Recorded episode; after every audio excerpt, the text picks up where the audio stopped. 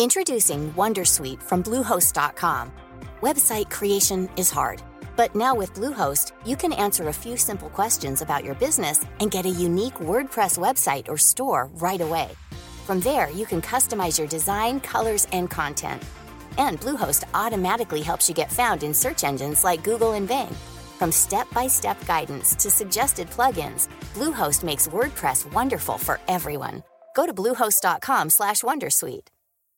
Hey Dave, Yeah, Randy. since we founded Bombus, we've always said our socks, underwear, and t-shirts are super soft. Any new ideas? Maybe sublimely soft. Or disgustingly cozy? Wait, what? I got it. Bombus. Absurdly comfortable essentials for yourself And for those facing homelessness. because one purchased equals one donated. Wow, did we just write an ad? Yes. Bombas. Big comfort for everyone. Go to bombas.com slash ACAST and use code ACAST for 20% off your first purchase. 10 000 kronors frågan är ju så här, är investment någonting att ha i portföljen framgent? De har ju historiskt slagit i princip Stockholmsbörsen, en global indexfond och det mesta andra. Men när man gräver lite i det så har de presterat lika bra som en svensk småbolagsfond. Och tittar man fram igen så är många av de faktorerna som har gjort dem bra historiskt, de är ju inte riktigt där idag.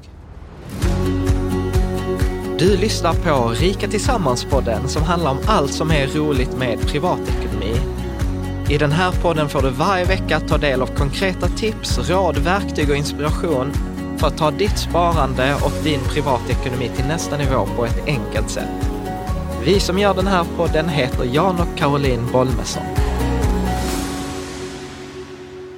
Idag är dags för avsnitt 215 och det handlar om investmentbolag. Eh, Mm, del tre av fyra. Ja, så precis. Så detta är ju en del i vår serie som vi har haft här nu, där dagens fokus kommer att ligga på, är det bra strategi att investera i investmentbolag? Är det något man bör göra liksom framgent? Och de två tidigare avsnitten har ju då handlat om, 213 handlade då om introduktion, historik, eh, liksom fördelar med Vilka de investment. stora investmentbolagen i Sverige är. Ja, lite så här svensk industrihistoria, typ så här att de bildades vissa redan på slutet av 1800-talet.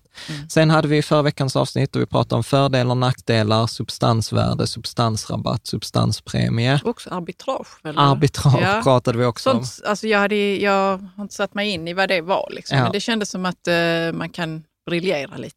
ja. Och man kan det sen Men på avsnitten, något kommande mingel. ja, men avsnitten är relativt fristående. Eh, liksom det, Mm. det viktigaste som man behöver kunna för att förstå detta avsnittet kommer vi gå igenom så att man kan lyssna på det. Och lite fokus idag kommer vi göra lite det som jag ibland brukar avråda från, utan vi, vi säger ju alltid och kommer även idag säga att historisk avkastning är inte en garanti för framtida avkastning.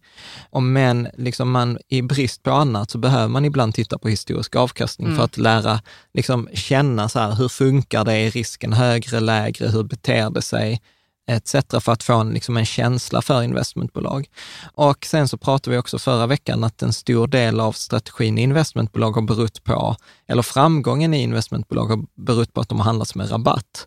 Att, Ja. eh, att vi, vi pratade i förra avsnittet att man kunde köpa en påse för 100 kronor, men innehållet i påsen var kanske 120 kronor.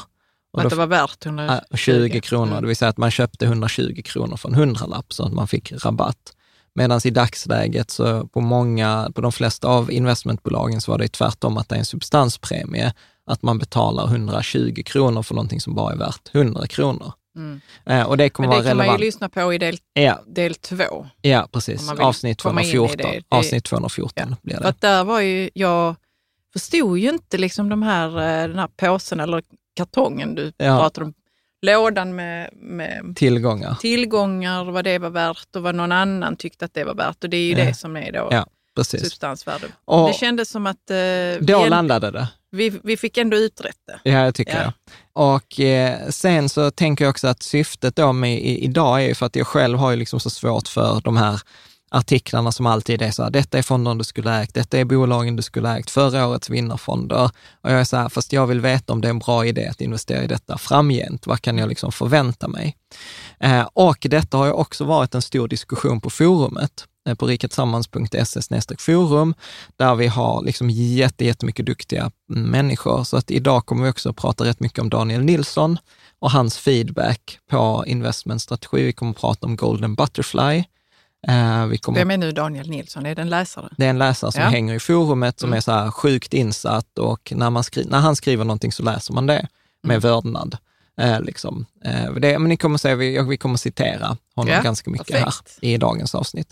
Och sen tänker jag att snart kommer ett avsnitt med frågor och svar kring investmentbolag. Mm. Så att det är den vi, sista delen då. Ja, som jag tänker att den kommer kanske inte nästa vecka utan om två veckor. Uh, där vi tar upp frågor, funderingar, diskussioner, saker som har dykt upp längs mm. vägen. Mm. Och sen tänker jag också att vi måste få in två avsnitt här om, eller ett avsnitt om bil. Uh, ja, det har varit en följetong i vårt liv. Ja, och på forumet också. Jag tror att i, i, idag... Alltså, vi, forumet är helt fantastiskt. Ja, det är magiskt. Vilken visdom där finns. Ja, ja. Alltså, vi, har haft det, vi hade vår bil, gick ju sönder här för några veckor sedan, så startade jag en tråd så här, nu har V70 gått sönder, hjälp mig resonera kring en ny bil. Så här, tre veckor in så är vi typ 500 eh, alltså svar i den här. Och eh, jag ska inte avslöja för mycket, men där är, jag har ju märkt att jag har haft totalkapitalfel med fördomar kring eh, liksom leasing och sådant. Så att jag tror att för ja, mig var... och vet du vad? Jag tror mysteriet kring varför det finns så många prestigebilar som kör runt. Ja, det tror vi vi har löst I Malmö. Också. Vi har också förstått detta nu, varför det är så. Ja, så jag tror, men det får vara en, det får vara ja, en, en det får vara en cliffhanger. ja. Och eh, också apropå forumet, vi har en, en läsare där som, eh, som skrivit böcker om det här med elbilar som också vi jobbar på att bjuda in honom till avsnittet. Ja. Så det hade varit magiskt. Så att, ja, forumet is the shit, det måste jag ändå säga. Bra, och sen i forumet finns också en lista på alla liksom investmentbolag, svenska, utländska, det finns förslag på fonder, nyckeltal, länkar etc. Så att eh, där finns jättemycket material. Eh, och särskilt idag när vi pratar om ett annat sätt att investera, så vill vi vara supernoga med att eh, understryka, detta är inte en avvikelse från vår strategi. Vår grundläggande rekommendation är fortfarande det som vi går igenom i avsnitt 99, att investera i linje med forskningen, det vill säga en fondrobot eller en bred global billig indexfond som man sparar i regelbundet. Det är det som har mest stöd i forskningen, det är det som det är mest konsensus kring och kombinerat då med avsnitt 190 där vi pratar om fyra hinkar mm. eh, Fyrahinka-modellen, så är det fortfarande det viktigaste. Detta vi pratar om idag är liksom, skulle jag säga, någonting för lekhinken eller en spekulation eller egentligen också mycket för att det, det finns mycket myter om det här med investmentbolag. Så att därav hela denna serien. När kommer de här myterna? Ja, men vi, liksom. nej, men vi pratade om det exempel förra veckan, att det är myt kring till exempel att det är en belåning, att de använder belåning och därför okay. går investmentbolag mm, bättre. En det var en myt mm. att det, det är många gånger billigare. Ja, vissa är, andra är inte. Eh, att investmentbolag kommer alltid gå bra för att de har haft substansrabatt. Ja, de har inte substansrabatt längre. Jag tror det var, det var det som gjorde dem billigare. Substansrabatten. Men du pratar ja. om att det är, det är en fristående myt.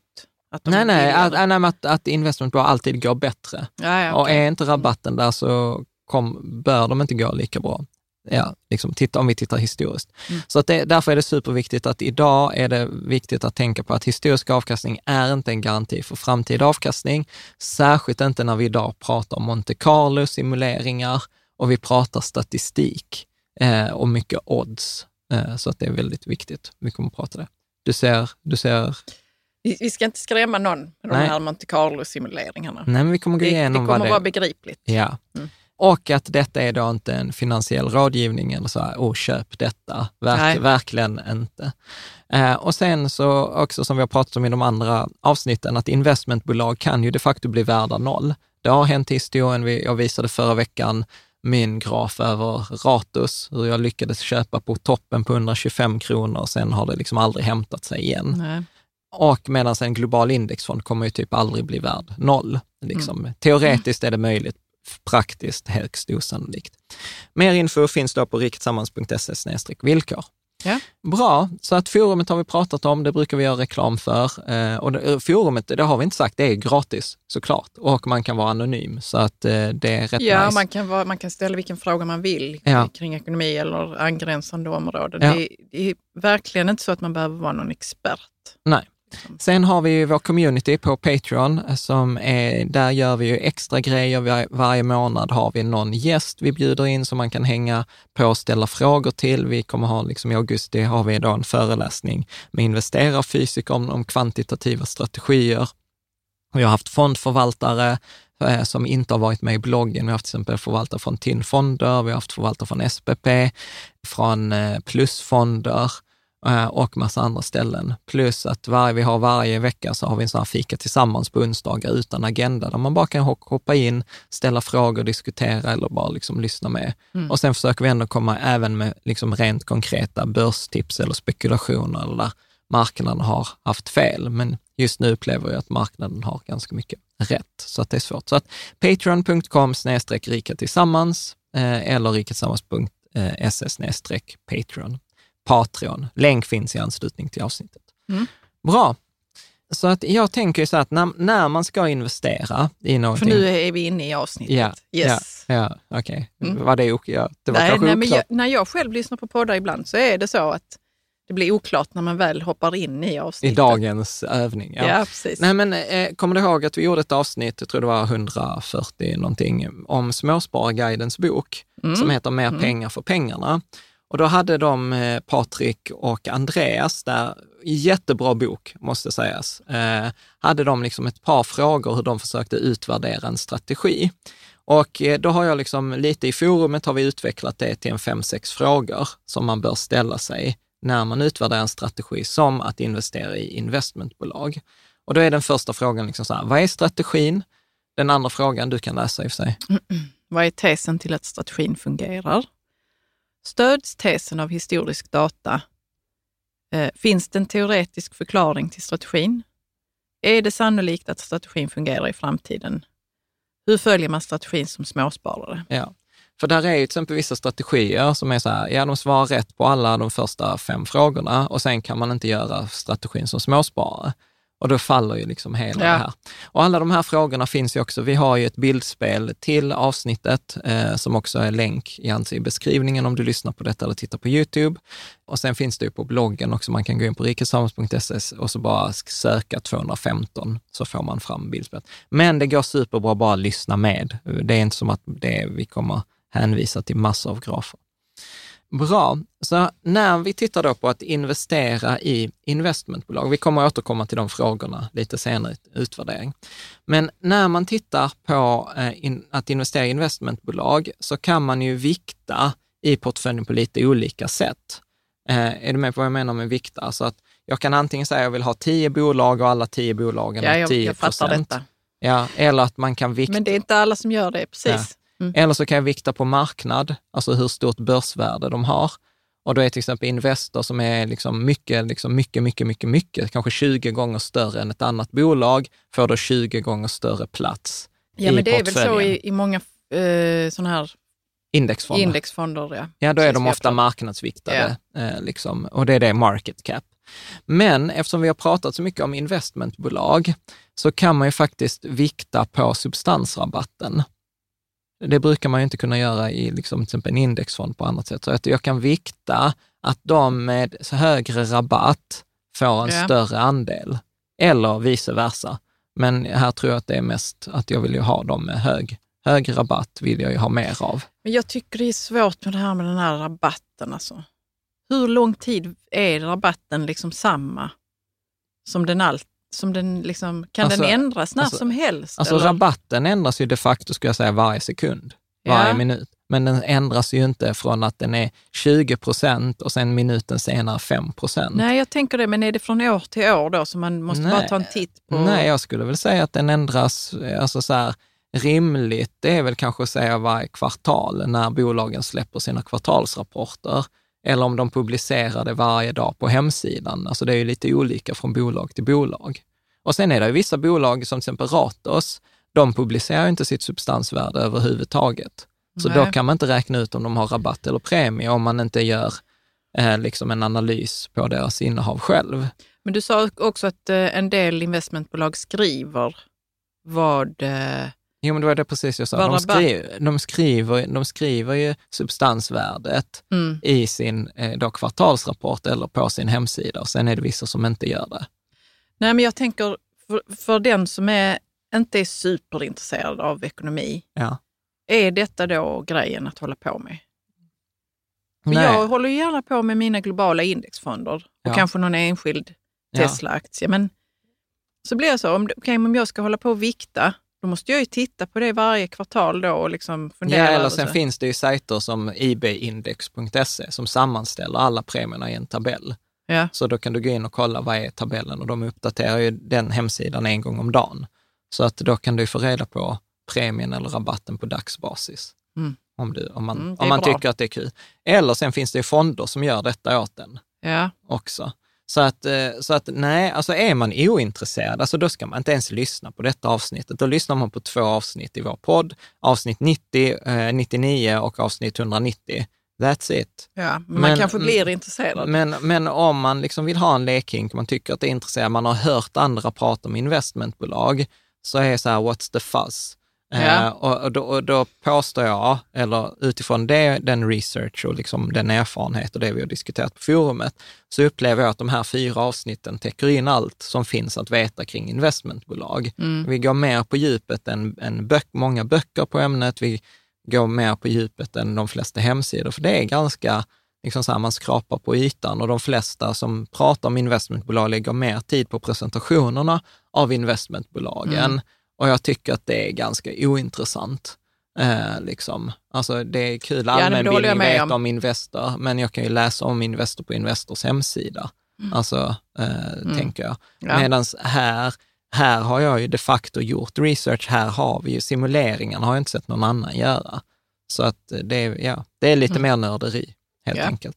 Men poängen i alla fall där vi är nu, att om jag vill investera i investmentbolag så kan jag antingen göra det då, jag kan göra det lika viktat, jag kan göra det marknadsviktat eller jag kan göra det substansrabattviktat. Mm. Och då, då har jag ändå gjort ett antagande att jag vill ha flera investmentbolag, att jag inte kör den här koncentrationsgrejen. Vi pratade förra veckan att jag sätter allt i Ratos och sen förlorar jag 50 procent av mina pengar, för det är dumt.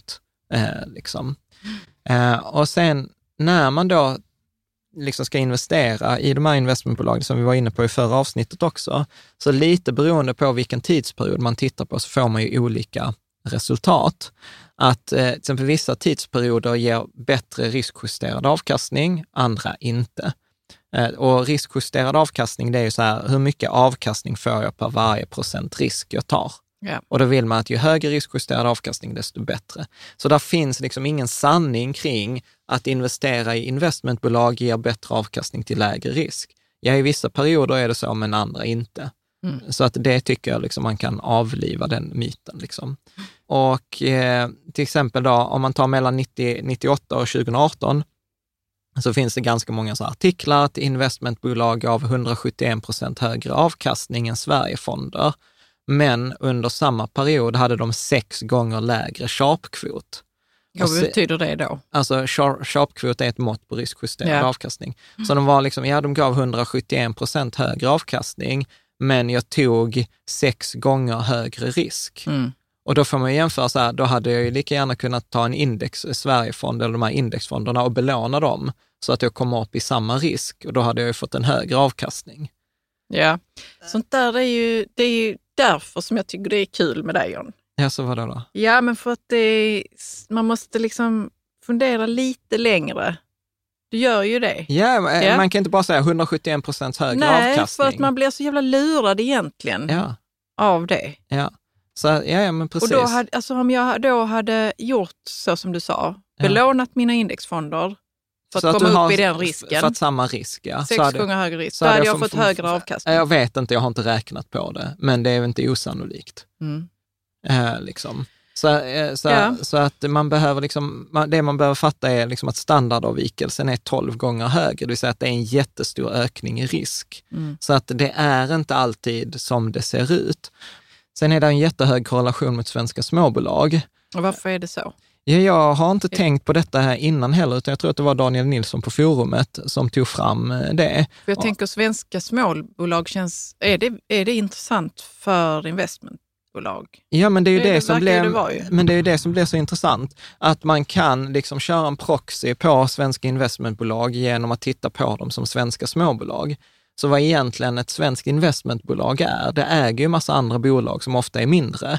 Så att en svensk, de svenska investmentbolagen som grupp kan man liksom säga att de liknar svenska småbolag. Och jämför man då till exempel fonden AMF Aktiefond Småbolag, eh, de senaste fem åren då, jag gick in på Avanza idag, vad är det idag, den 26 juli? 20, Nej, 28. 28 juli. Mm. Och så bara tog jag så här fem år bakåt, så kan du se här beskriva för den som tittar på de här grafen, att den gula linjen är då Spiltan Aktiefond Investmentbolag och den gröna linjen är AMF Aktiefond, äh, aktiefond Ja, de är nästan exakt, de ligger på varandra. Ja, nästan. de är i princip identiska. Så. Jo, men vad betyder det att det är hög korrelation med ja, svenska småbolag? För att när jag hörde du sa det så lät det som att de hade massa småbolag. Alltså, eller jag förstod inte överhuvudtaget vad det betyder. Nej, men äh, så här, att om du har en korg med svenska investmentbolag ja. Och sen har du en annan korg som du döper till svenska småbolag mm. och så sätter de korgarna bredvid varandra och jämför dem över de senaste fem åren, så ja. är det same same. Så kan du knappt skilja dem från varandra. Och det är det jag menar att de har hög korrelation. Ja. Så, så att man kan säga att de är ju nästan lika. Mm. Då det, kan man lika gärna ta den här aktiefonden, eller den eh, AMF. Ja, AMF Aktiefond Småbolag. Ja. Ja, åter, nu ska vi inte hamna i om det är en bra investering, men det är ganska intressant, ganska intressant att titta att korrelationen är så hög. Att eh, liksom så här, åh, svenska investmentbolag är så fantastiskt.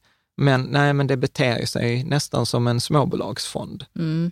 Eh, så att, och det hänger ju också ihop med det som vi pratade om förra veckan, liksom med, med att småbolag tenderar ju att överprestera stora bolag. Så, och det är inget som vi har hittat på, utan det är den här Pharma French femfaktormodellen, där små bolag över en tioårsperiod ska överprestera med 80 procent sannolikhet och de ska mm. överprestera med mellan 1 och 3 procent om året.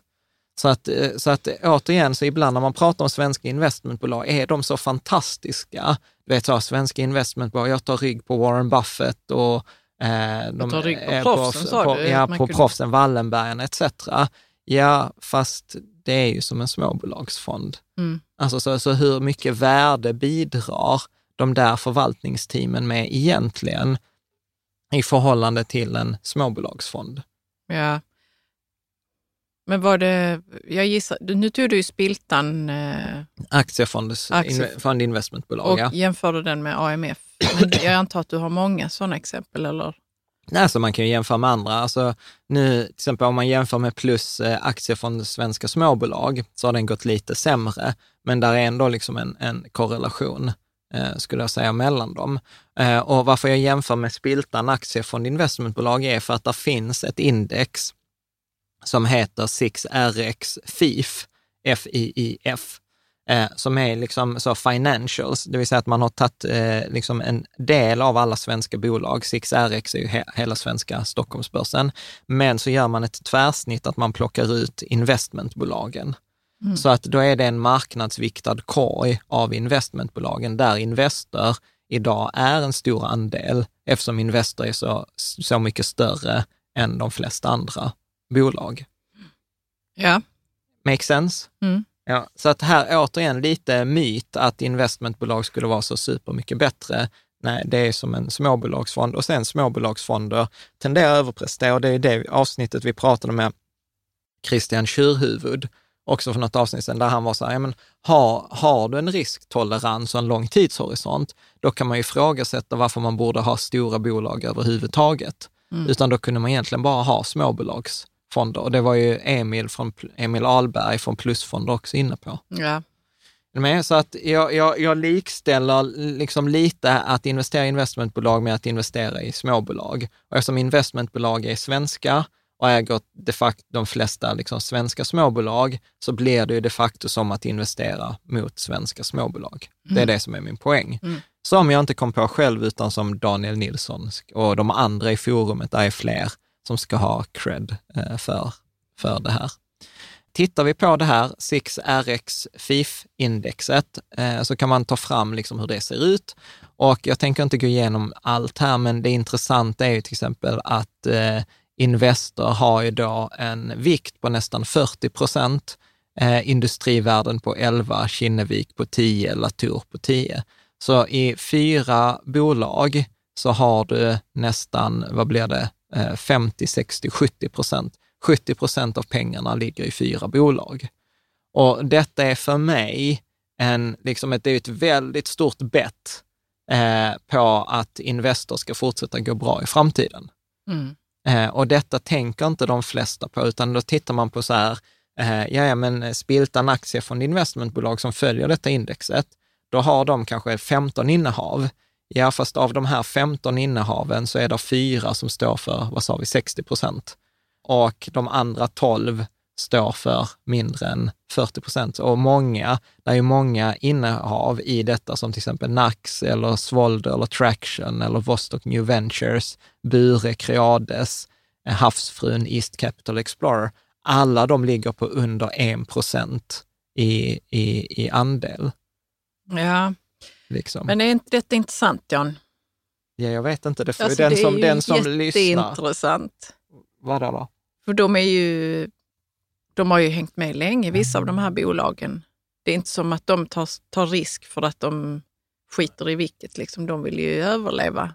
Nu fattar jag inte, vad är din Jo, poäng? men jag tänker nu när du säger så att det är ett stort bett Mm. som Investor gör till exempel. Nej, vi, om man köper då till exempel Spiltan Aktiefond Investment, som är en av Sveriges mest populära fonder, Mm. för den har gått superbra, den har haft låg avgift, den har fått mycket media, eh, men jag tror inte att de flesta tänker på att du har liksom fyra av tio kronor ligger i Investor Ja, i den. Liksom. Ah, jag bara känner att jag missuppfattade detta. Okej, vadå då? Ja, jag vet inte om jag zonade ut en sekund eller vad det var. Jag tror det var Investor som hade så 60 procent i fyra bolag. Nej, nej. Nej, alltså vi pratar fonden, Ja, ja, Spiltan ja. Aktiefond Ja. Investmentbolag. Okej, så Att, ja. att, att sex, Och vad gör vi med den här informationen nu? Alltså att man, man, Nej, men- man vet så att det är inte så Nej, men- diversifierat det är inte så innehav det- som nej, vi det- tror nej. i spiltan. aktiefond investmentbolag. I, I när man pratar om investmentbolag som Ja. grupp, eh, så, så är ju detta liksom en marknadsviktad indexfond mot Mm. investmentbolag. Mm. Och då har du jättehöga vikter, så du har 80 procent i 5, 6, 7 bolag.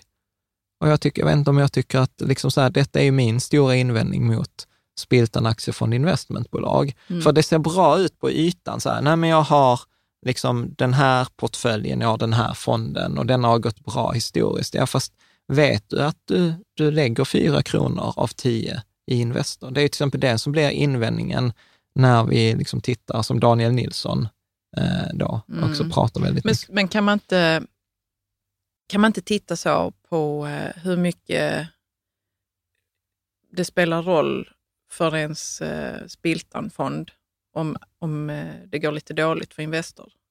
Kan Ja, man men- se hur stor den effekten blir då? Liksom? Är Ja, du med? Ja, ja, alltså om Investor, om jag, om jag inte har otur när jag tänker nu här med matten, så om Investor faller med 10 procent så kommer ju denna, denna falla med eh, 4 kronor. Eller, Ja, hur mycket hade jag i den? alltså om du har 40 procent här så kommer denna falla med, eh, hur var det nu jag tänkte? När, om Investor faller med 10 procent Ja. och den är 40 procent av detta innehavet, då kommer ju denna falla med 4 procent. Mm. Det är rätt Men, mycket så ändå det, det, det är liksom ganska hög översättning mellan Investors kurs och Spiltan Aktiefond Investmentsbolag kurs, vilket inte är ett problem så länge det går bra. För här har vi den här grafen av liksom de svenska investmentbolag som grupp, alltså det här 6RX FIF-indexet från 1995, som är liksom det längst bak jag har hittat data, jämfört med då Stockholmsbörsen, 6RX och den amerikanska börsen S&P 500. Och då har vi ju det här att en hundralapp i de här investmentbolagen har gett 35 gånger pengarna på de här 25 åren, medan en investering i eh, då Stockholmsbörsen över samma period har gett kanske 15 gånger pengarna. Så det är mer än dubbelt så bra och den amerikanska börsen, som är hälften av den globala liksom börsen, har gett kanske fem gånger pengarna. ja. Så att det är, det är ju enorm, det är en enorm utväxling liksom på detta historiskt. Eh, och vad jag, vad jag har gjort här är då att jag har tagit den här historiken och då gjort en Monte Carlo-simulation. Och vad är det för någonting när man gör vad vill man med simulation? Ja, men med Monte Carlo-simulering, då gör man så här att man tar egentligen eh, liksom den datan som finns och så tittar man liksom så här, hur rör sig kursen i vilket intervall? Och sen baserat på det intervallet så slumpar man fram då framtida, liksom så här, okej, okay, men det har sett ut så här de senaste 30 åren. Och 30 år kan vara ett intervall? Ja, precis. Men jag har tagit data från 30 år eller då 25 år och sen slumpar jag en slumpmässig tioårsperiod framåt. Okay, okay. Och för att jag då ska få liksom någon liksom statistisk signifikans i det här, så gör man detta 10 000 gånger. Så man tar 10 000, man tittar på en sån här investmentbolagsportfölj, baserat på historisk data, så det är lite shit in, shit out. Yeah. Alltså är den historiska yeah, yeah. datan dålig, och inte kommer stämma för framtiden, så kommer inte modellen stämma för framtiden. Men om vi gör ett antagande att historien ser ut ungefär så som, eller framtiden kommer att se ut ungefär så som historien sett ut, så kan vi göra vissa liksom, antaganden och då gör man detta 10 000 gånger. Så att man leker med tanken att man har 10 000 tioårsperioder och sen sammanfattar man, tittar på varje tioårsperiod och sen sammanfattar man dem och fördelar dem. Okej, okay, så hur gick de sämsta 10 procenten av de här 10 000 tidsperioderna? Hur gick nästa 10, då, sån här eh, liksom tiondel eh, och så vidare. Så att jag tycker ju, när man tittar på en sån här Monte Carlo, simulering, så tycker jag nästan aldrig det är intressant att titta på de sämsta och de bästa utfallen, utan man tittar någonstans i mitten. Jag brukar säga mellan den 25 och 75 percentilen. Och då kan man ju få liksom lite eh, lite intressant eh, data. Och nu har jag redovisat detta i avsnittet eller här i bildspelet. Vi ska inte gå igenom liksom allt, men eh, då, om vi tar den mittersta utfallen, alltså 50 percentilen, så då säger vi, då har vi lika många utfall som är bättre som är sämre. Så vi, har liksom, vi tar det precis i mitten yeah. av de här simuleringarna. Och då får vi att liksom, eh, avkastningen då eh, framgent på 100 eh, procent investmentbolag eh, då ligger på någonstans 12 procent, vilket är ganska högt, alltså 12 procent per år, vilket kan jämföras med de sämsta 10 procenten då nominellt är 0, alltså ungefär 1 procent och de bästa 10 procent av utfallen, då pratar vi nästan 23 procents avkastning ja. per år. Mm. Eh, det intressanta, då om vi håller oss till 50 percentilen, alltså det vill säga ungefär 12 procent, så blir det intressant att jämföra det om man gör samma simulering fast med en global portfölj. Ja. Alltså med Lysa, liksom en, in, inte Lysa för att vi har inte startat med Sverige, utan bara en, liksom en global portfölj, alltså en global indexfond. Och det har du gjort? Det har jag gjort. Mm. Och då pratar vi att den 50 percentilen är ungefär 10 procent. Så att avkastningen då mellan, skillnaden i avkastning mellan en 100% investmentbolag och en 100 global portfölj i simulering blir ungefär 2% per år. Och 2% per år är stor skillnad. Ja, det är det ju. Över lång tid så är det ju jättestor skillnad. Uh, ja, för då kan man säga att på 12 procent så dubblas pengarna ungefär vart sjätte år, medan så här dubblas pengarna ungefär vart eh, åttonde år. Mm. Så att eh, pengarna dubblas ju mycket mycket snabbare. Mycket snabbare med investmentbolagen. Ja. ja, och skulle man börja med 100 000 eh, då, över den här 50 percentil eh, perioden så kommer 100 000 växa till 314 000 i investmentbolagen medan 253 000 i globalfonden. Ja, så på en, på en på tioårsperiod. Mm. Så de två procenten per år skillnad är en skillnad mellan 314 000 om jag började på 100 och 253 000. Mm. Eh, hänger du med? Ja, men um, jag betalar ju för risk där också ju. Ja, och, och, där kommer vi liksom in på något som är intressant. För om vi nu tittar på max, maximala drawdown, alltså i den 50 percentilen. Vad betyder det då? Alltså hur, från toppen till botten, alltså hur stort eh, fall kommer jag uppleva i, I den här, om, jag, i, om jag får i, ett, eh, om jag är i 50 percentilen? Ja. ja. Så eh, hur stort fall kommer jag uppleva i, i, i den här portföljen? Och då kommer det vara minus 43 procent, är mm. det investmentbolag. Mm. Medan i en global portfölj så är det maximala drawdownen 28 procent.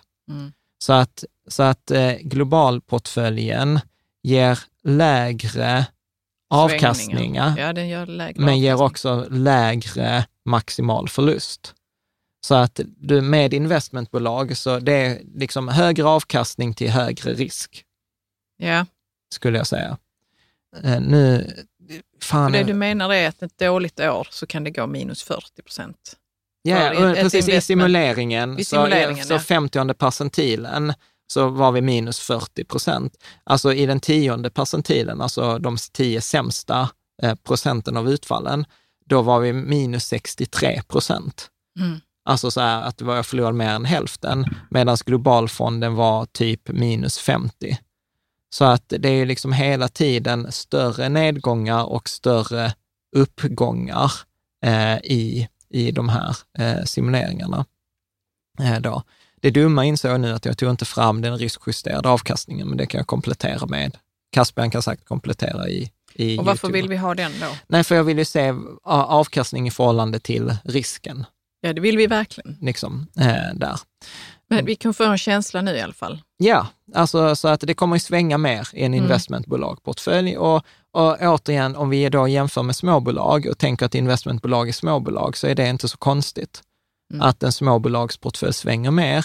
Och återigen, om vi då jämför det som en sån här French eh, pharmafaktor, så sa vi så här, med 80 procent sannolikhet ska stora, små bolag överprestera med stora bolag med ungefär 1-3 procent. Mm. Så att det, det det, känns som det, det det känns som att det. det gör det. Så att därför tänker jag så att det är inte bara liksom att vi tittar på detta från investmentbolagen håll. Vi kan titta på detta från småbolagshållet och få ungefär samma resultat. Och jag, jag gillar, jag gillar När det när, stämmer. jag gillar när det Från stämmer. olika håll. Ja. Och Mm. tittar vi då på sannolikheten för årlig avkastning, för då kan man också få, okej, vad är sannolikheten för att jag får en viss avkastning över den här tioårsperioden?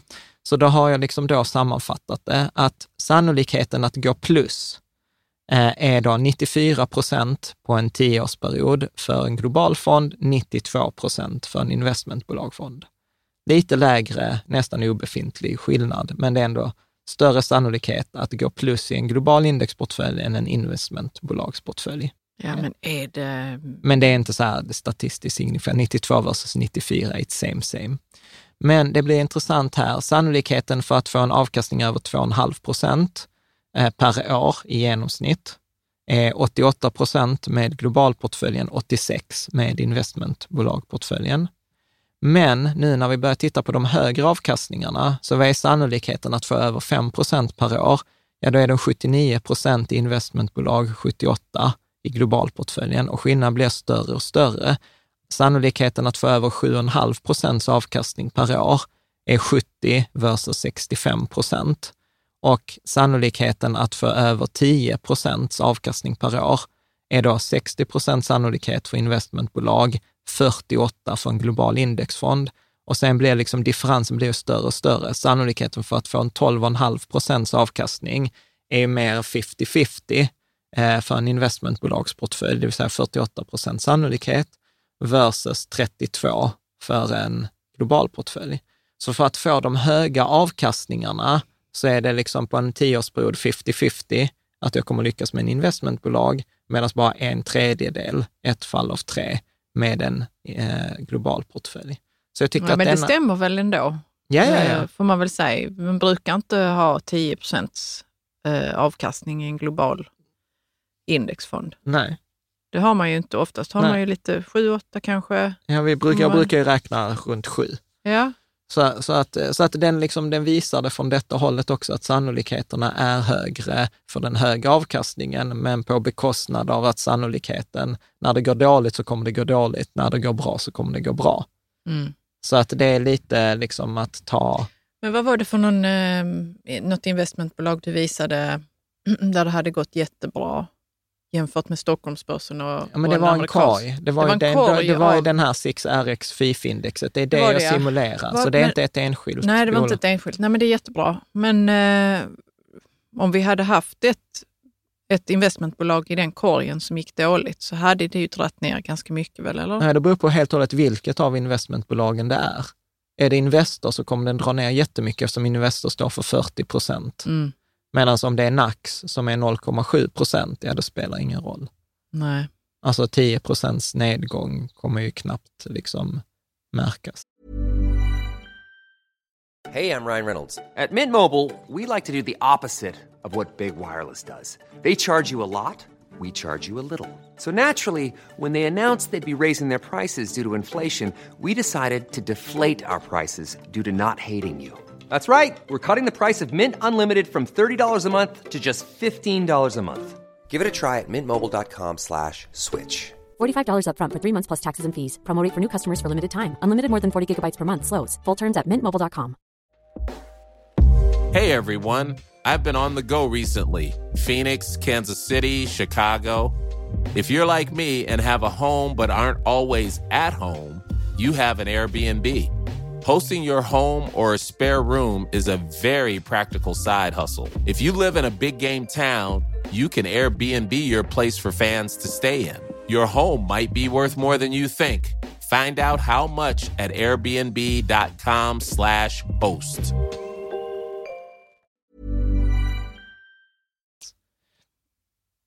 Är ni med? Mm. Bra. Eh, och jämför vi drawdownsen så, så ser vi också då väldigt tydligt att eh, då drawdowns för de olika perioderna är lägre, som vi, som vi sa. Att i, I 50 percentilen, investmentbolag kommer backa 42, globalfonden 28. Liksom. Ja, man slipper de här jättestora, Man slipper de jättestora svängningarna. Globalfonder. Mm. Så att om vi liksom ska sammanfatta strategin, liksom lite i de här sex frågorna, så vad är strategin?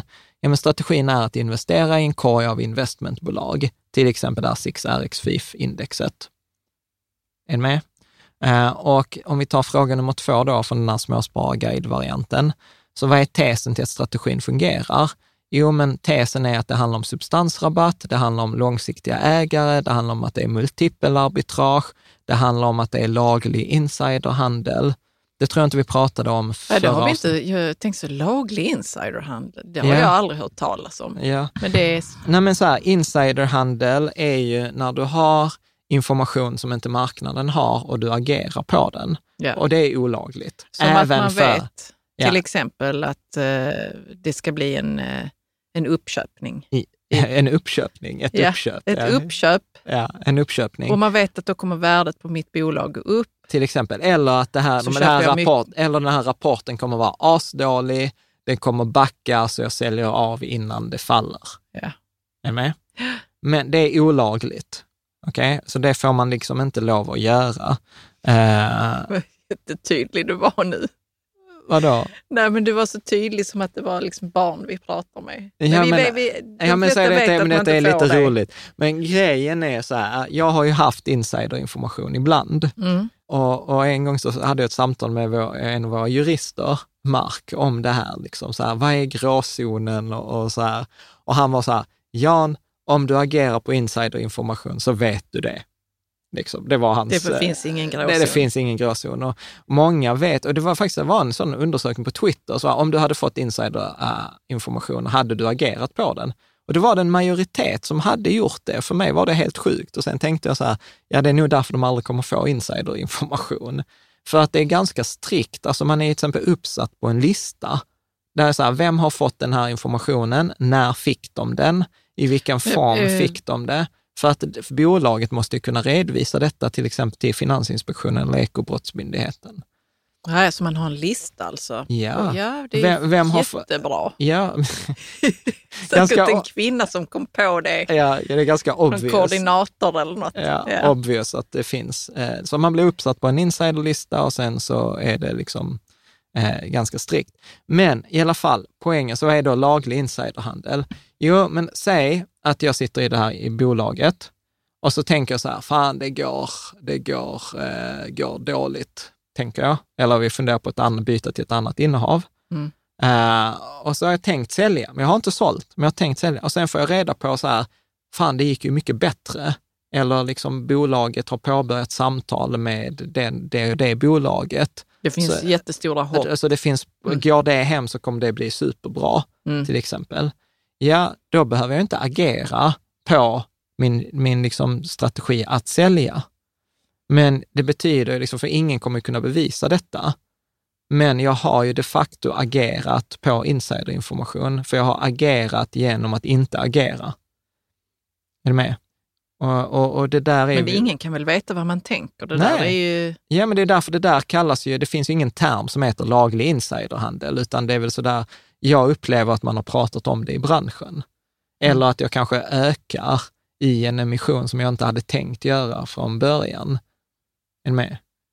Eh, så att, eh, så att ja. Man kan alltid säga så, jag hade faktiskt inte tänkt göra någonting. Ja, men är du på listan så kan du inte säga, ah, men eh, jag fick en hunch Men du vet en vad, den där halvtimme listan efter. är jätteintressant. Då måste det vara så att man får mejl Ja. eller det är i möte. Mm. Fys man måste ju också veta, om man får mejlet så måste de ju veta när man har öppnat och läst det. Eller Ja, går ja. sån information aldrig ut i mejl? Är det då bara under möten? Eller, är du med? Den här informationen som Ja, kan så, vara ja, jag vet insider- inte, de, de gångerna jag har fått, fått den så har jag ofta fått den via telefonsamtal och så har det slutat med så här, du är nu uppförd på insiderlistan.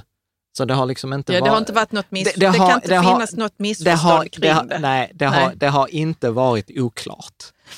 Därav Marks kommentar också så här, man vet om när man gör Ja. liksom det. Japp. Och, och, sen, och sen gillar jag också som en av mina redovisningskonsultkompisar brukar säga så här, alltså det är inte lönt att hålla på och fuska eller sånt i bolag. Om du ska skita ner dig för lite, liksom, ska du skita ner, skita ner dig ordentligt. Eh, liksom, För det- mycket. Ja, liksom, Eller men- nej, eller vad menar han? Jo, nej, men det är inte lönt att hålla på, om man inte har tänkt att bryta mot lagen, bryt Nej. inte ens lite mot den. Nej, precis. Utan ja. ska du Mm. bryta mot den, ja men gör det då ordentligt. Alltså ta då ditt bett, liksom. Mm. Eh, Och det gör de flesta inte. nej, Nej. utan, utan så här, jag, jag är för att det ska vara liksom, fan man sover bättre om Mm. natten när, när, när man gör det rätt. I alla fall, så det är tesen till att strategin fungerar. Stöds tesen av historisk data? Mm. Ja, det gör den i princip i alla tidsperioder. Finns det en teoretisk förklaring till strategin? Eh, både ja och nej. Där finns ju saker som visar korrelation mellan premie och avkastning. Där finns studier som visar emot. Eh, sen verkar det som att tittar vi på investmentbolag i Sverige så har de överpresterat jättemycket, men tittar vi på closed-end funds utomlands eller investmentbolag i Storbritannien eller andra länder så har det inte alls varit samma sak, etc. Så att jag skulle säga så här, både ja och nej är svaret på den. Är det sannolikt att strategin kommer fungera i framtiden? Och där är så, så här, jag vet inte. Vi Nej. vet inte. Oklart. Oklart. Och sen då fråga sex, hur följer man strategin som småsparare? Ja, antingen genom att köpa bolagen själv, alltså det är ju bara en lista på 14 bolag och vikt, eh, enligt fördelningen i fråga, eller genom att man köper en fond, som till exempel Spiltan Aktiefond Investmentbolag. Och då finns det, då finns det ett antal bolag i, i fonder i Sverige. Den, den första är den vi har varit inne på, Spiltan Aktiefond Investmentbolag. Ungefär 20 bolag, avgift 0,2 procent. Fokus är att följa där 6RX FIF-indexet. Mm. Jag tror inte att det står i deras faktablad, utan jag tror att de följer ett annat index i det. Men det är, alltså tittar man på där 6RX FIF så är det, alltså det är identiskt. Med Så att- deras Ja, innehav. så att Mm. jag, jag tänker alltid på dem, kanske felaktigt, som 6RX FIF-indexet. Problemet är att det är jättesvårt att jämföra med 6RX FIF, för det finns typ ingenstans att få tag på. Så man kan inte gå in på Avanza och jämföra med det. Men när jag har jämfört på, på bloggen, eh, för jag har köpt den datan, så är det Ja, du har köpt den datan, är okej. För jag Ja. kan tänka mig att när man lyssnar eller tittar att man kanske vill, nu Ja. ska jag titta på Ja, men- 6RF-FIF. Ja, men kolla på, man kan kolla, jag, jag ska se om jag kan göra någon sån graf. Eh, jag har haft det på bloggen från tid till annan. Mm. Sen finns det en annan fond som heter SEF Cavalier Investmentbolagsfond. Svenska och internationella investmentbolag, cirka 35 bolag, 0,3. Jag, gill, ja, Mm. jag gillar ju nästan denna lite mer, för att där får man liksom de här, till exempel eh, LVMH eller LVHM eller de här Louis Ja, Vuitton. LVHM heter det nog. ja. Det är något Ja. lyxkonglomerat. Ja. Och de, de går nog alltid bra med tanke på ökande medelklass. Ja, vilken skön spekulation det var. Ja, det är en spekulation som Ja. vilket proffs som helst skulle kunna Ja, sitta och det- säga det- till sina... Ja, det är sån Howard, Klienter. det är sån Howard Marks hade sagt att det där är första graden. Vi ska- första gradens tänkande. första gradens tänkande. Ja, vad skönt. Ja. Och vi får göra det någon gång. Verkligen ta sådana här första gradens, andra, Andra gradens, gradens tredje gradens. Ja. Ja, vi ska göra det, men det, det är svårt. Så Kanske att där, tillsammans med någon sån här logikprofessor. Nej, men vi kommer göra det utifrån- Man kan lura sig själv. vi kommer göra det utifrån den här boken, Ja. eh, The most important thing. Ja. Bra, Men du gillade den för att LVHM var med där? Till exempel, nej, men att man har en större blick än bara svenska bolag. Liksom. Kvartil investmentbolag plus kalkylus eh, eller ka- kvartil kalkylus plus investmentbolag. Jag blandar alltid ihop vad den heter. Eh, fokuserar på substanspremierabatt, 15 bolag, avgift 0,6. Eh, så den är ganska dyr. Den hamnar utanför det jag brukar prata om, max 0,4 procent. Så här, jag har försökt bjuda in förvaltaren till den fonden, men han har tackat nej, vilket jag tycker är jättekonstigt. Så att, eh, ja, jag har, den ligger väl inte på min plus minus. Han eller hon kanske är jättebusy. Ja, jag vet gissar att det är så. Ja. Mm.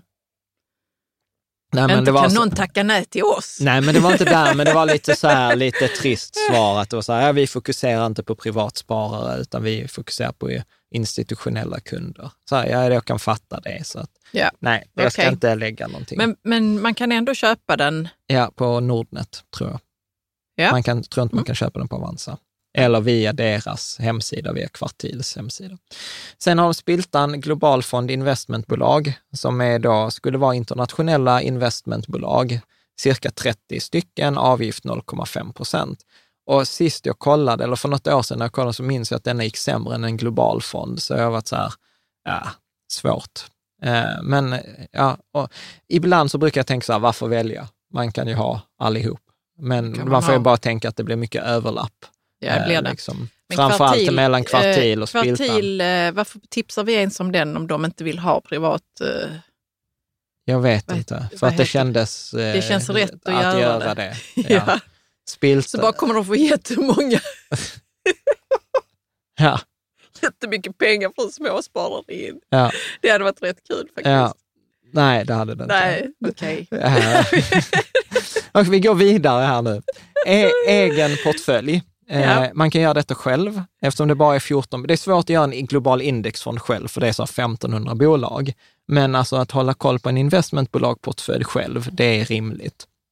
Och den bästa hemsidan som jag känner till eh, på detta, det är IB-index, alltså investmentbolag index.se.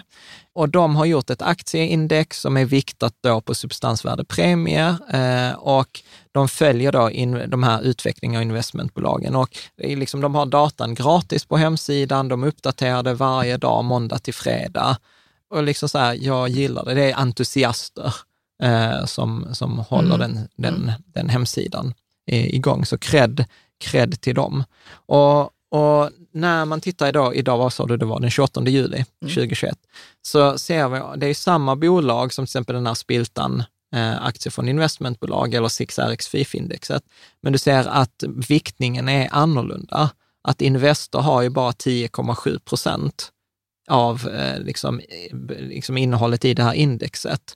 Men Eh, detta var viktat på eh, substansrabatt eller substa, Su- substans... Substan- Premie. Ja, Yes. så detta är inte viktat efter storlek på Nej. eh, tillgångarna. Mm. Och detta kan ju göra det lite mer liksom, attraktivt. Jag, spontant gillar jag ju denna viktningen bättre än jag gillar eh, den marknadsviktade. Men eh, återigen, det är, ju, det är ju också en subjektiv åsikt. Vi vet ju inte om detta är bättre eller sämre än det andra. Nej. Liksom. Men återigen, som, som helhet har ju detta indexet också gått bättre än Stockholmsbörsen. Eh, så ebindex.se, de har jag inga problem att göra reklam för. Det är liksom så här schysst. Om vi tittar då på riskerna, eh, tänkte du något eller? Nej. nej, nej. Om vi tittar då på riskerna med investmentbolag, så är det ju många investmentbolag som har tagit fel beslut. Eh, liksom. Det var ju det som gav Vi sig har in i... fa- skrivit Ratos här, men vi har nog inte gått in på... eh, Jo, men Ratos var ju det där när jag sa att Arne Karlsson, Ja, och så här- sen ville du inte säga något mer. Ja men för att jag har Det kanske förlorat inte massa var hans pengar. fel, men det var något, Allt något Arne fel Karlssons fel. var det i alla fall som skedde i Nej men felet var väl att jag läste inte på och sen när det började gå ner så försökte jag fånga en fallande kniv. Så att detta är väl liksom, detta visar ju bara på hur svårt det är att, att investera i ett enskilt rätt bolag. Så att man behöver, i och med att jag bara har 14 bolag och särskilt när det är höga vikter på vissa av de här bolagen så tar jag en hög risk Ja. med, med dem. Sen är det ju så att eh, vissa av dem man har, är, är ju illikvida om de äger onoterade innehav, som gör det dessutom svårvärderat. Till exempel... Ja. Eh, Men jag bara undrar så vad illikvid betyder i detta sammanhanget. Nej, men till exempel, eh, säg att Kinnevik som köpte då till exempel Lunar Bank, som är ett onoter, en onoterad dansk bank. Alltså den aktien handlas ju inte. Och, och vi är ju ägare i Lunar, så att jag råkar ju liksom ha lite insyn i det där. Och där är ju till exempel så väldigt strikta regler för vem som får köpa aktier, vem som får sälja aktier, till vilka priser och hur det går till. Så att vem som helst kan inte komma in och köpa eller sälja den aktien.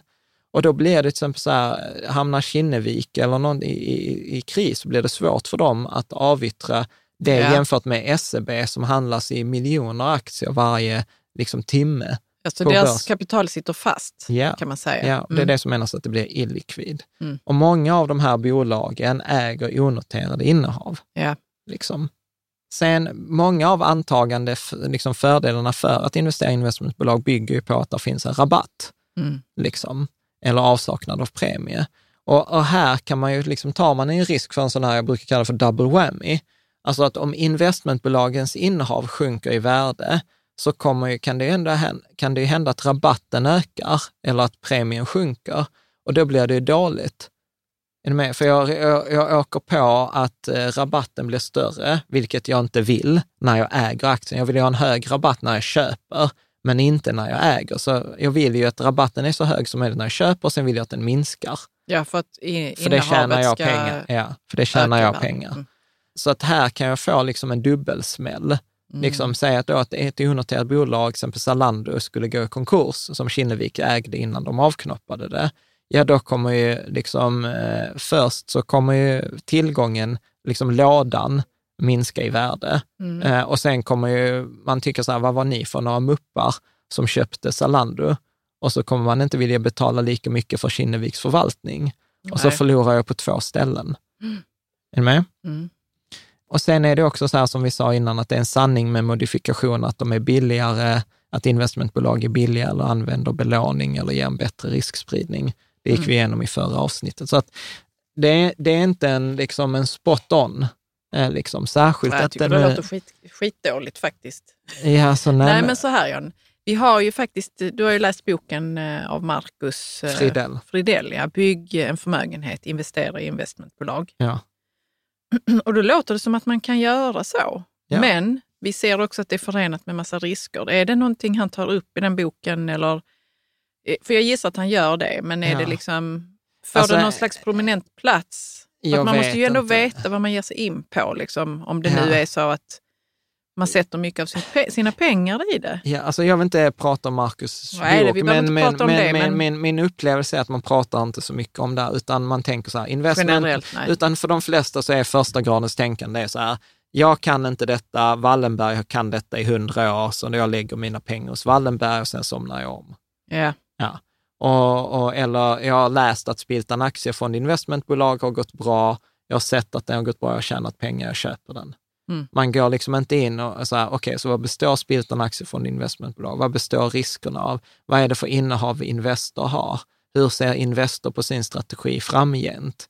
Eh, alltså, det är ju den typen, vad är det folk har missuppfattat kring Investors verksamhet? Mm. Alltså, det, det Jag ju måste sån- intressera sig lite. Ja, om man mer. ska vara aktiv. Sen, Mm. sen kan man göra det enkelt som jag gör. Är så här, ah, jag pallar inte lägga energi på det. Jag har sett att investmentbolag är bra. Där finns ett case för det. Jag lägger det i lekhinken och så skiter jag i det. Liksom. Ser hur det går. Ser hur Mm. det går. Men, men jag skulle ju liksom inte lägga så här, Karo, nu säljer vi alla våra pengar på Lysa och så lägger vi dem i investmentbolag. Det är Nej. not gonna happen. Och, och särskilt inte nu när vi liksom tittar, eh, här, återigen från ibindex.se, sammanställning på att de flesta bolagen nu handlas faktiskt med en premie, det vill säga att jag betalar mer än vad jag får. Jag betalar mer för helheten än jag betalar för ingredienserna Ja. eh, där. Så att eh, eh, om vi då tar Daniel Nilsson som skrev detta, för vi har en tråd på Ja, forumet. Jobbar han med, med sådana här eh, ekonomifrågor? Eh, jag vet faktiskt inte vem Daniel Nilsson är. Nej, Eh, men det kommer att- många bra... Det kommer många, så här, när, han, när, han skri, när han skriver så brukar jag lyssna. eller brukar jag läsa. Och han, det har varit många diskussioner vi har haft, till exempel folk från Lysa eller från, folk från Opti, som jag vet är sjukt insatta och vi har haft diskussioner i forumet där Daniel Nilsson har skrivit, så vet jag att även de har varit så här, shit, han vet vad han pratar om. Mm. Så att, eh, Vad spännande. ja, Men vad, vad tänker du att vi kan ta med oss här då Jo, från jo Daniel men, eh, Nilsson? men då hade vi en tråd, för jag skapade en tråd för typ ett år sedan som heter så här, varför inte bara lägga alla pengar i investmentbolag? Mm. Eh, och kommer länka till den. Och där har vi jättemycket liksom, diskussion kring det. Och nu har jag plockat några av de bästa replikerna. Och det, du kan ju läsa vad Daniel eh, skriver här. Och detta är då argument mot, alltså när han svarar till mig, varför, varför han inte gillar att investera i investmentbolag. Så Mm. man behöver inte tänka på vem är Daniel, vad vet han? Man kan, Man kan- titta, titta på argumenten. Okej. Då skriver han så här. Du riskerar att det kommer in något som drabbar just in- investmentbolag, till exempel någon politisk ändring eller hur onoterade versus noterade bolag värderas och Ja. så vidare. Ja, och detta är ju det som Marcus Fridell pratar om i sin bok som central risk. Ja. Eh, Bra. att där kan, ju liksom, där kan ju hända någonting oförutsett som drabbar en hel grupp av bolag. Mm. Det är ju liksom så här, om Sverige skulle ändra sin lagstiftning och jag har en global indexfond, så kommer det påverka max 0,8 procent av mitt innehav. Mm. Men så har jag alla pengar i investmentbolag så drabbas hela portföljen. Så jag tar en viss form av så kallad central risk Mm. eh, i det här. Och det har ju hänt grejer som liksom Ratos, vi har Melker Schörling som avnoterades. Alltså där händer ju grejer eh, som påverkar då. Så, Ja, vidare skriver han. Din aktiedel har 100% korrelation med sig själv. Om du istället valt ett antal olika alternativ som har en liknande avkastning, se mina förslag från andra tråden. Även om de eh, separata delarna kanske har en sämre riskjusterad avkastning, då kommer helheten förhoppningsvis bli bättre. Jag anser inte investmentbolag, att investmentbolag är ni- unika att ha... Vänta, vad står där? jag anser inte att gruppen liksom investmentbolag är unik att ha denna avkastning. Så varför inte sprida ut investera till andra möjligheter som har en liknande avkastning? Och det var Ja. då det kom in till exempel så här småbolag. Svenska småbolag har en väldigt hög korrelation med, med svenska investmentbolag. Så vad Ja. han säger är så här, det finns andra, och han kommer presentera en portfölj också som vi kommer att prata om. Så att om jag då ska ha den här avkastningen, den är inte unik. Jag kan liksom hitta den på andra ställen i andra tillgångar som kanske var för sig har sämre eh, eh, liksom avkastning, men som grupp kommer gå bättre. Och då är det till exempel att tänka, ja men svenska investmentbolag och svenska småbolag, det är samma typ av avkastning. Fast olika... Olika, liksom, till, jag vill inte säga tillgångslag, men, eh, men det är två, jag kan välja in andra bolag och få samma, samma typ av avkastning. Och så därför man tänker lite annorlunda. Man tänker så här, vad vill jag ha för en utveckling? Vad vill jag ha för en avkastning? Hur kan jag komma åt den avkastningen? Och då finns det inte bara ett sätt att komma åt den Nej. avkastning som investmentbolag har, utan man kan sätta ihop den på, på andra, på och där andra hade sätt. han gett förslag Ja, vi kommer till det också. Mm. Sen tre. Eh, din aktiedel har 100% exponering mot svensk valuta. Eh, jämför med globalfonder som är investerade i US-dollars. Går det att parera, om, eh, går det att parera för om aktiedelen är liten? Ja. Vad betyder Så, nu så att ja, vi har alla bolagen i Sverige. Mm. Den vanliga in- invändningen mot detta är ju så här, nej men fast Investor äger ju Atlas Copco, Atlas Copco har mycket internationell försäljning. Men vi är ändå liksom utsatta mot en valuta i ett litet land som står för 0,8 procent av världens eh, börsvärde. Vi har över 300 börsnoterade bolag. Vi väljer ut 10 procent av dem, så vi har valt 10 procent av 0,8 procent av alla världens liksom, bolag. Så det är en valutarisk. Mm. Ja. Eh, Du har en ganska stor del av investeringen i ett enskilt bolag.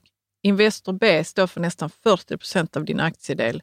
Jag har som regel att försöka undvika att ha mer än 2-3 procent av min totala portfölj i ett enskilt bolag. Mm. Ja. Så, att, så att det, det har vi ju pratat om, att den klassiska regeln är ju att inte, att försöka ha, liksom sprida riskerna. Eh, och då pratar vi om att ta bort den här idiosynkratiska risken. Kommer vi pratade om systemiska marknadsrisken, den kan jag inte diversifiera bort om hela marknaden faller. Men jag kan, jag kan ju diversifiera bort den syste- eh, idiosynkratiska risken, alltså bolagsrisken.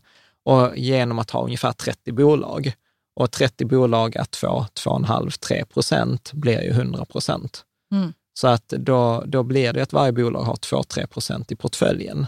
Och här plötsligt har du något som står för 40 procent eh, där. Så om vi fortsätter.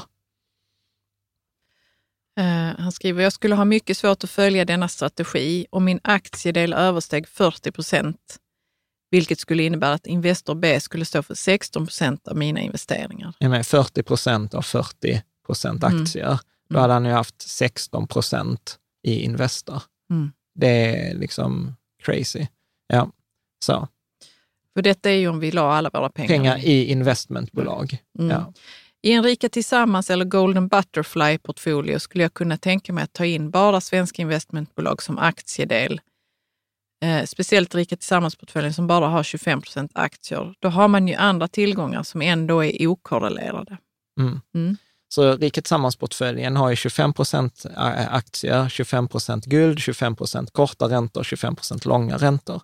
Mm. Så att då resonerar Daniel liksom så här, i detta fallet, ja, alltså att ha 100 procent av sina pengar i investmentbolag, det går fett bort. Mm. Men i en portfölj där maximala aktieandelen är 25 procent, ja, där, kan, där skulle man kunna tänka sig att användas i spiltan aktiefond investmentbolag, eftersom då är det en mindre del av helheten. Och då Ja, blir okorrelerat till de andra. okorrelerat till de andra delarna. Mm. Och eh, här pratar han nu Golden Butterfly.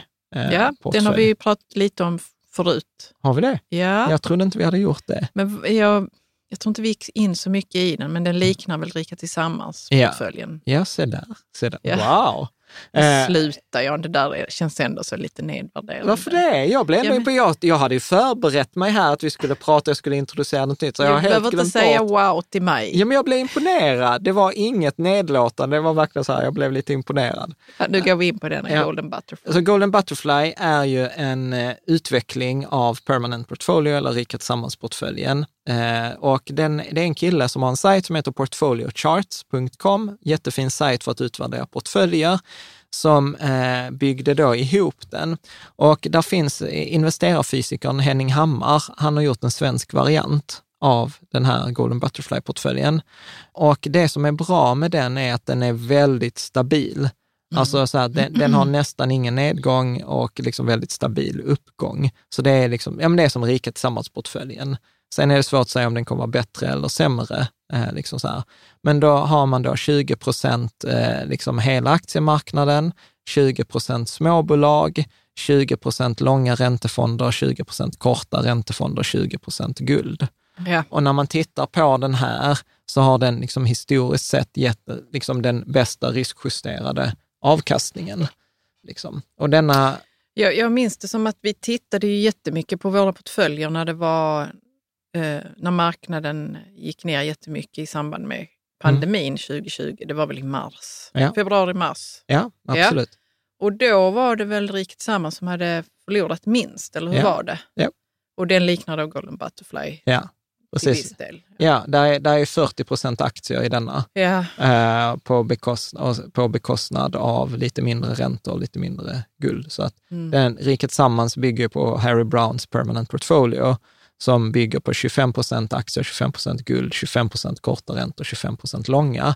Här har man 20 procent långa räntor, 20 procent korta, eh, 20 procent guld istället för 25 procent guld. Och sen har man lagt de, eh, liksom de här extra procenten har man lagt på aktierna ja. Det är ju det som Men är var det skillnaden. denna portföljen som eh, Daniel Nilsson pratade om, eller nej? Jo. Ja, det var den. Ja. Mm. Så han, han säger att han Och hade... där ligger ju också eh, exempel på vad det är man skulle ha i så fall. Ja. Något. Precis, så i detta fallet så är detta, detta är inteAniel Nilssons förslag. Nej, okej, det är, är det Eh, dina? Nej, detta är Henning Hammars, Ja, Henning förlåt mig, fysiker, det är- han som driver Börslabbet. Ja. Det, är- det är mycket, var det, ja. Eh, för han har kört denna på Shareville sedan 2016, så där finns liksom mycket ja, historik. Hur har det, hur det, har det gått, gått? det har gått bra. Men gått vad bra. betyder bra? Ja, men som, alltså den är väldigt stabil liksom, då- avkastning. För när, jag minns att när vi eh, tittade på när börsen hade gått minus 30 procent Ja, 2020, där mars. Ja. Då, hade den, då tog den sig, tuffade den fram ja, Riket Tillsammans-portföljen i 2-3 procent plus. Jag var det tror- inte något jag sånt? det. Något sånt. Något sånt, ja. Den gick aldrig ner. Jag, jag vet, jag Eh, minns under, inte. eh, Jag minns inte det. Till minus eller någonting Ja, sånt. Nej, men jag, jag har ett minne av det. Ja. Hoppas inte jag kommer ihåg fel. Ja. Det Men, det, men. Men det är i alla fall, tanken är så här, låg avkastning, låg risk. Mm. Eh, det är väl det. Precis. Det Och är det hen- som araberna har Ja, till sina gigantiska ska fonder. Ja. fonder. Ja. Oljefonder. Nej, men eh, aktiedelen har han då, Total Stock Market har en SPP Global Aktiefond, Small Cap Value eh, Nordnet Superfonden Sverige, långa räntor AMF Räntefond Lång, korta räntor Spiltan Räntefond Sverige, guld och ETFS Physical Gold. Jag hade nog valt lite annorlunda eh, i den här, men, eh, men works liksom. Ja, Eh, så, jag vet vad du hade valt annorlunda. vad hade jag valt annorlunda? Spiltan Räntefond Sverige. Ja, bland annat. Eh, sen Nordnet Superfond Sverige hade jag nog bytt ut mot plus småbolag eller Spiltan Aktiefond Investmentbolag. Mm. Och sen istället för ETFS Physical Gold hade jag nog valt eh, den här Royal Mint, den här brittiska, eller Extra Gold som vi har i modellportföljerna. Mm. Eh, bra, så, Ja. da, så Daniel skriver så här. Jag skulle hellre investera 100% i svenska småbolag än 100 i svenska investmentbolag. Men jag skulle ännu hellre investera så här. 40% svenska småbolag, 20% svenska investmentbolag, 20% ny teknik, 20% svenska fastigheter. Ja.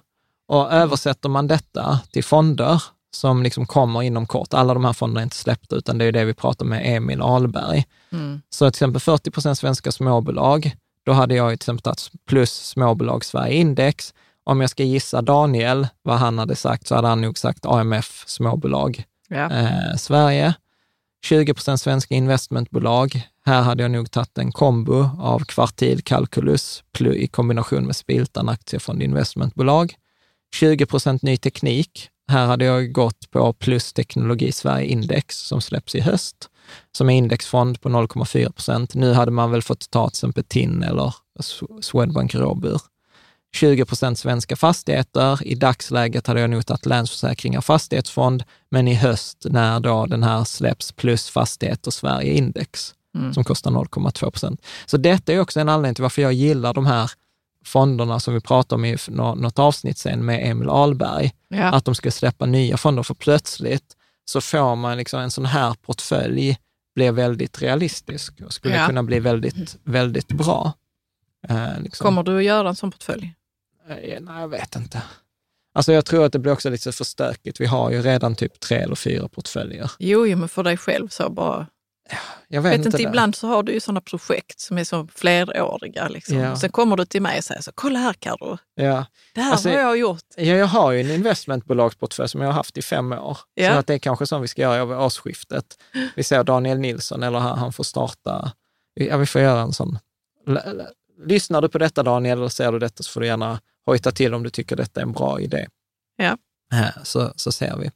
Men eh, faktiskt en, en, en parentes också. Vi har ju pågående den här röstningen som vi startade med Emil Ahlberg kring plusfonder, vilka plus eh, de här indexfonderna som vi ville se nya, för att de skulle släppa de här teknologi, fastigheter eh, och hälsovård.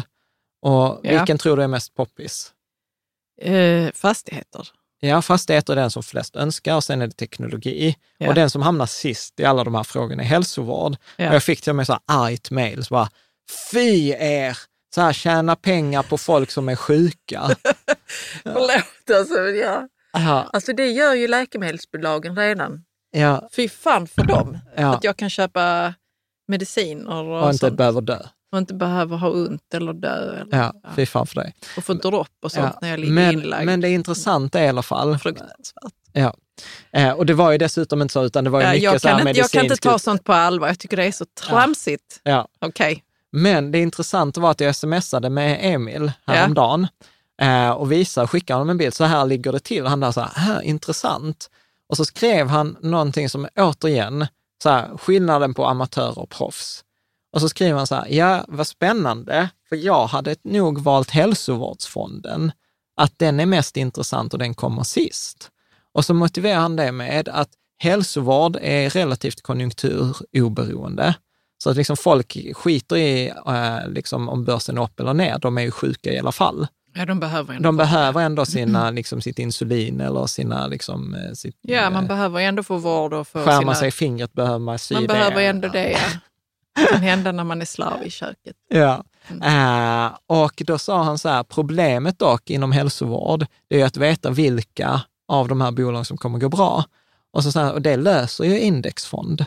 Mm. Så på det sättet var ju egentligen hälsovårdsindexfonden mer intressant eh, än de andra två. Men återigen, det är skillnad så här, första nivåns tänkande och, och andra, Andra tredje. Ja, Mm. för första nivån tänker jag så här, teknologi har gått bra på sistone. Eller tänker så här, "Ö, det finns ingen eh, billig fastighetsfond. Så tänkte jag. Eh, och då får jag ett nytt tillgångslag. Medan han tänker så här, "Ja, men detta är konjunkturokänsligt, det är en bra bransch. Hur får jag exponering mot denna branschen? Är det en svår bransch? Då köper jag allt och så gör jag det så billigt som möjligt. Så det är så här second level thinking. Men det var ju också roligt att du någon dag hade skickat någon länk till mig nu i samband med pandemin så hade ju, så hade ju Cornucopia, en blogggranne till oss, Ja. han hade ju undgjort sig av att folk tyckte att Netflix-aktien skulle gå så himla bra nu, för nu kan alla vara hemma och titta på Netflix och, och, och skaffa sig abonnemang på Netflix. Ja, ja, ja. Och det tyckte han då också var, om First jag, om jag skulle thinking. bara spekulera, first level thinking. För han, han hade en helt annan, andra tankar kring det ju. ja. Och nu minns jag inte exakt vad det var. Men jag tänkte så, fram. här, fan vad skönt att någon tänker liksom några steg till. Ja. Och det är så, det är så, så här, du kan inte tjäna pengar på att göra det som alla andra gör. Utan ska du tjäna pengar som alla tävlar om liksom kronorna som är där ute, då för att tjäna de stora pengarna, då måste man göra någonting annat. Men att göra någonting annat är extremt svårt. Mm. extremt svårt. Ja. Och därför blir det ju så här, då, då är jag så här, nej men då skiter jag i det. Jag tänker inte jaga och sitta här och trängas med er som ska göra sånt som alla andra gör. Och jag har, jag har inte kompetensen, tiden eller energin eller oddsen på min sida att slåss med er som är proffs, som ska ta motsatta positioner, för ni som tar motsatta po- positioner kommer ibland ha fel. Alltså det här, ni, vad är det man säger, skillnaden mellan, nivå, mellan briljans och galenskap är hårfin.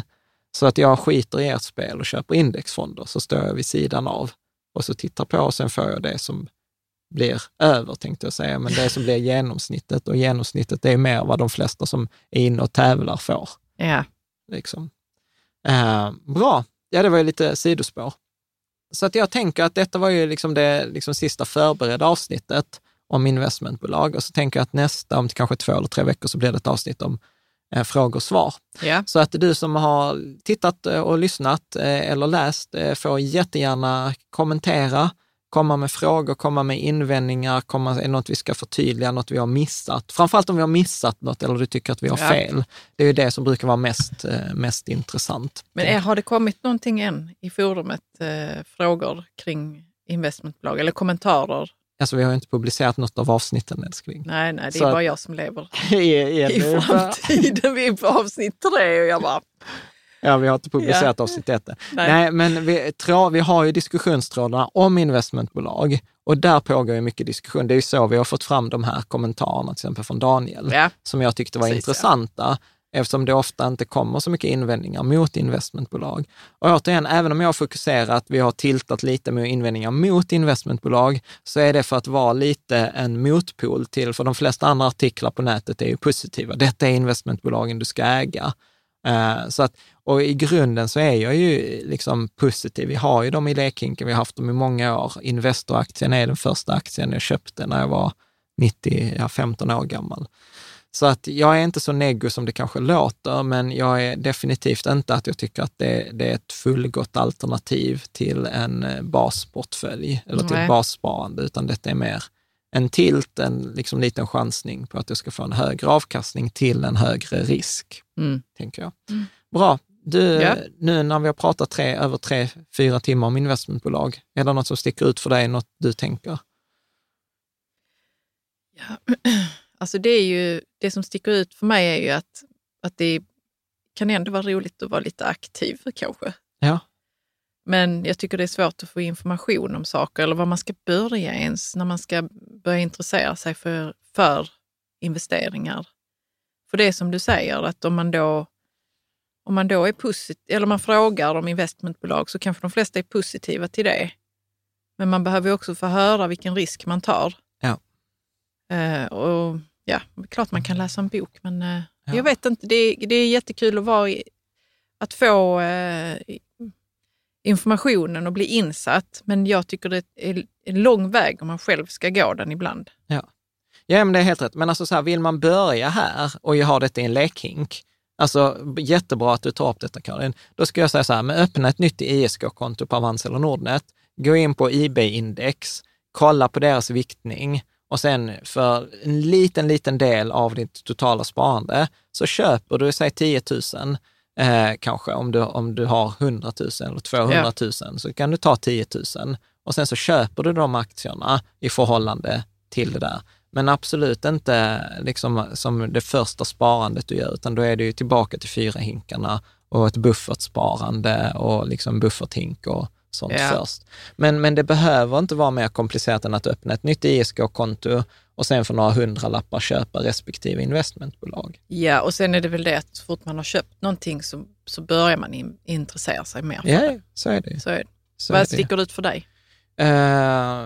F- nej, men jag tänker ju, alltså, där är ju vissa underliggande drivare, alltså drivers, jag vet inte vad det heter på svenska, som, kan, som talar för investmentbolag och framför allt så är det det här med multipelarbitraget.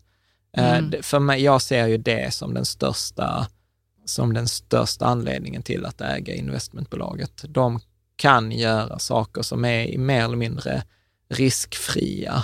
Ja, Eh, nu minns som jag inte kanske- exakt vad det var. För Nej, det är det är så att jag köper- hörde två gånger vad det är. Ja, men och min köper- hjärna har inget klister Ja, men för du- det där de eh, köper ordet ett- än. De köper ett onoterat bolag för fem gånger årsvinsten. Mm, när det. de äger det så blir det tio gånger årsvinsten Ja. och sen när de är börsnoterade så är det 30 gånger Det årsvinsten. värderas upp. Det värderas upp Ja. eh, till följd av andra faktorer än utveckling och risk. Eh, Ja. Så det, det gillar jag och det, det tycker jag att man ska ha en exponering mot. Men Mm. ja, så det är väl det som sticker ut och det pratar vi om i avsnitt med Två, Infrea. väl? Nej, men Ja, jag ja, är förra veckan precis. också med en avsnitt Mm. med Infrea. Så en, plånbok, en hundralapp i en investmentbolags plånbok är mer värd än en hundralapp i min plånbok. Men Mm. sen återigen, alltså investmentbolag versus indexfonder, ja, å- 80-20-regeln. 80 procent i indexfonderna, 20 procent i investmentbolagen. Mm. Possibly. Ja. Snyggt! Okej. Då tänker jag så här, jag hoppas att vi ses i Patreon-communityn eh, och eh, hörs i frågorna, kommentarerna och eh, sen blir det, och förmodligen handlar det om bilar nästa vecka. Så det ska Yes. bli jättekul, hoppas jag. Ha det så bra!